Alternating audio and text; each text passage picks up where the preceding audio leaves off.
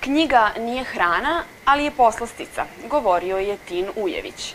A ekipa Arterije ove srede za vas priprema pravi delikates. Emisiju koja će ove srede proteći u znaku književnosti započinjemo razgovorom sa jednim od najvećih mađarskih savremenih pisaca. Ovo su najvažniji naslovi. Laslo Darvaši predstavio knjigu Bog, domovina, porodica – Kulturni dodatak dnevnika promovisan u okviru nedelje novosadskih pisaca. Manifestacija ljubavi kroz umetnost i inspiraciju u fokusu knjige Maslina Marije Belić-Bibin.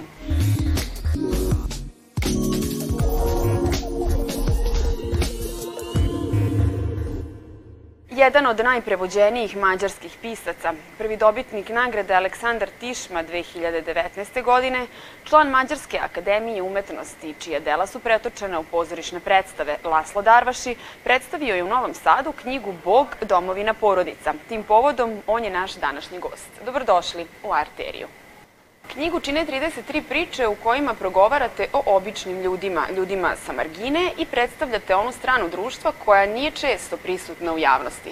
Zbog čega se opredeljujete za ove teme i da li nudite predlog rešenja za probleme ljudi o kojima pišete? Valóban 33 33 priče u knjizi govore o običnim i ljudima na margini.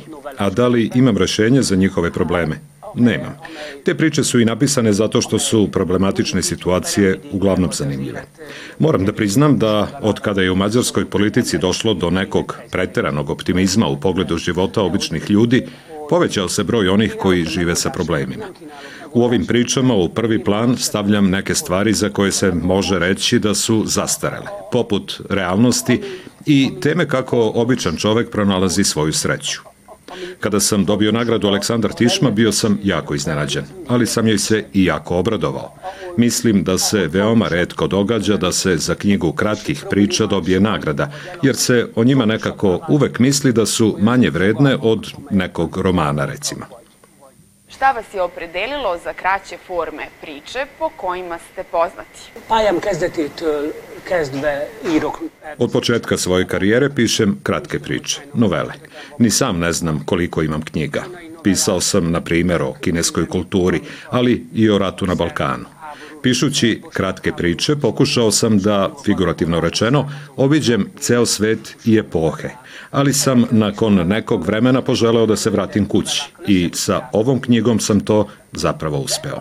Vratio sam se u svoju domovinu. Želeo sam da govorim o tome šta se trenutno događa u Mađarskoj. Na početku vaše karijere koristili ste pseudonim. Zbog čega? Kolumnista vagyok egy Više od 30 godina pišem kolumne za jedan mađarski književni list, koji se zove Život i književnost. I tamo se potpisujem kao Ernest Siv. To je moj pseudonim. On, za razliku od Lasla Darvašija, piše nekako laganije.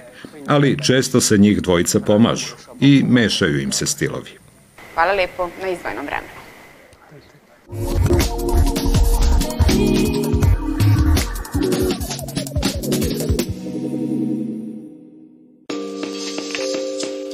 Šta je vredno pažnje, a šta najvažnije što se danas stvara, pitanje je čiji se odgovor krije u kulturnom dodatku lista Dnevnik.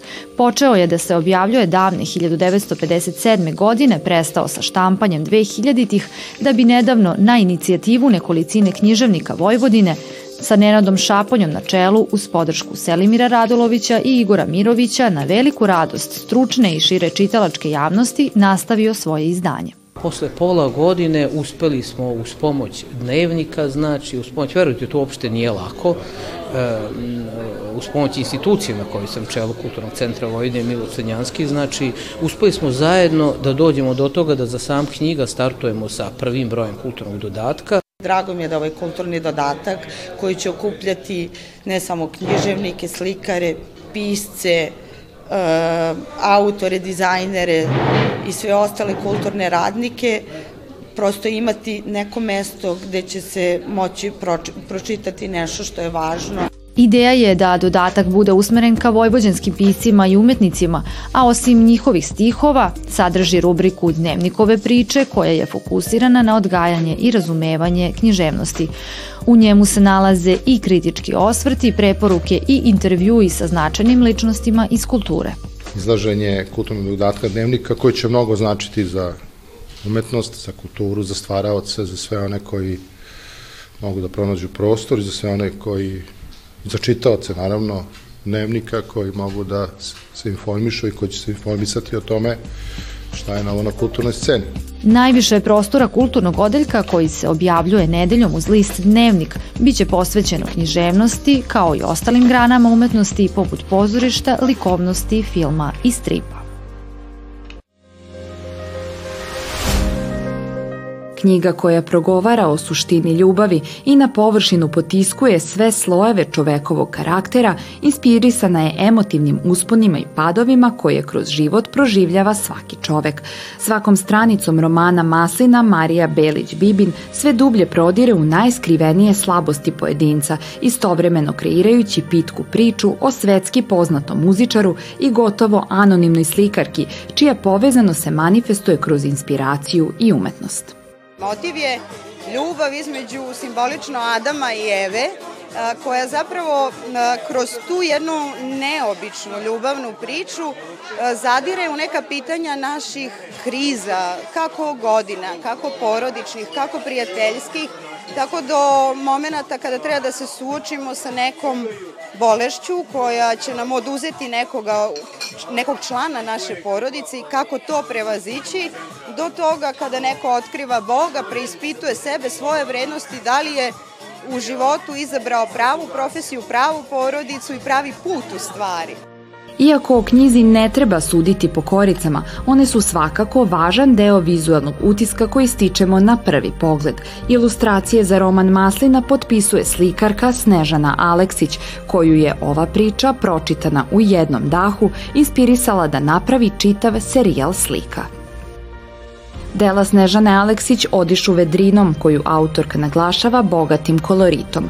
Nijansama vedrih tonova plave, crvene i žute boje, autorka razbija rutinu svakodnevnice, unoseći u nju poetičnost i živahnost svog unutrašnjeg bića svakodnevnica nas strašno istrapljuje i sve što proživljavamo uh, svaki dan uh, potrebno je kanalisanje. Ja to sve provučem kroz neki kanal i filter i ono što izađe iz mene su zapravo te boje koje su, da ja pretočim tu energiju, ja ne znam da objasnim to, da, da, da sam pisac, bila bi pisac, da je bila slikar, ali ovo, to je način da se ja izrazim i da, da uh, pre svega svoju emociju a upravo su emocije i ljubav u fokusu novog rukopisa Marije Belić-Bibin pod nazivom Prsten od žada, koji je trenutno u pripremi. Ovo je opet priča upakovana kroz kao neku ljubavnu priču, ali gde zapravo ispituje glavna junakinja iz Portugala neke svoje korene, gde zadire do Grčke, potom do Turske i jednog perioda maloazijske krize između dva svetska rata kada je došlo do nasilne razmene stanovništva Grka sa Turske u Grčku, Turaka iz Grčke u Tursku i sad tu se svašta nešto dešava od sukoba religija, ljubavi, nekih vrednosti i tako dalje, a kad će biti gotova, ne znam.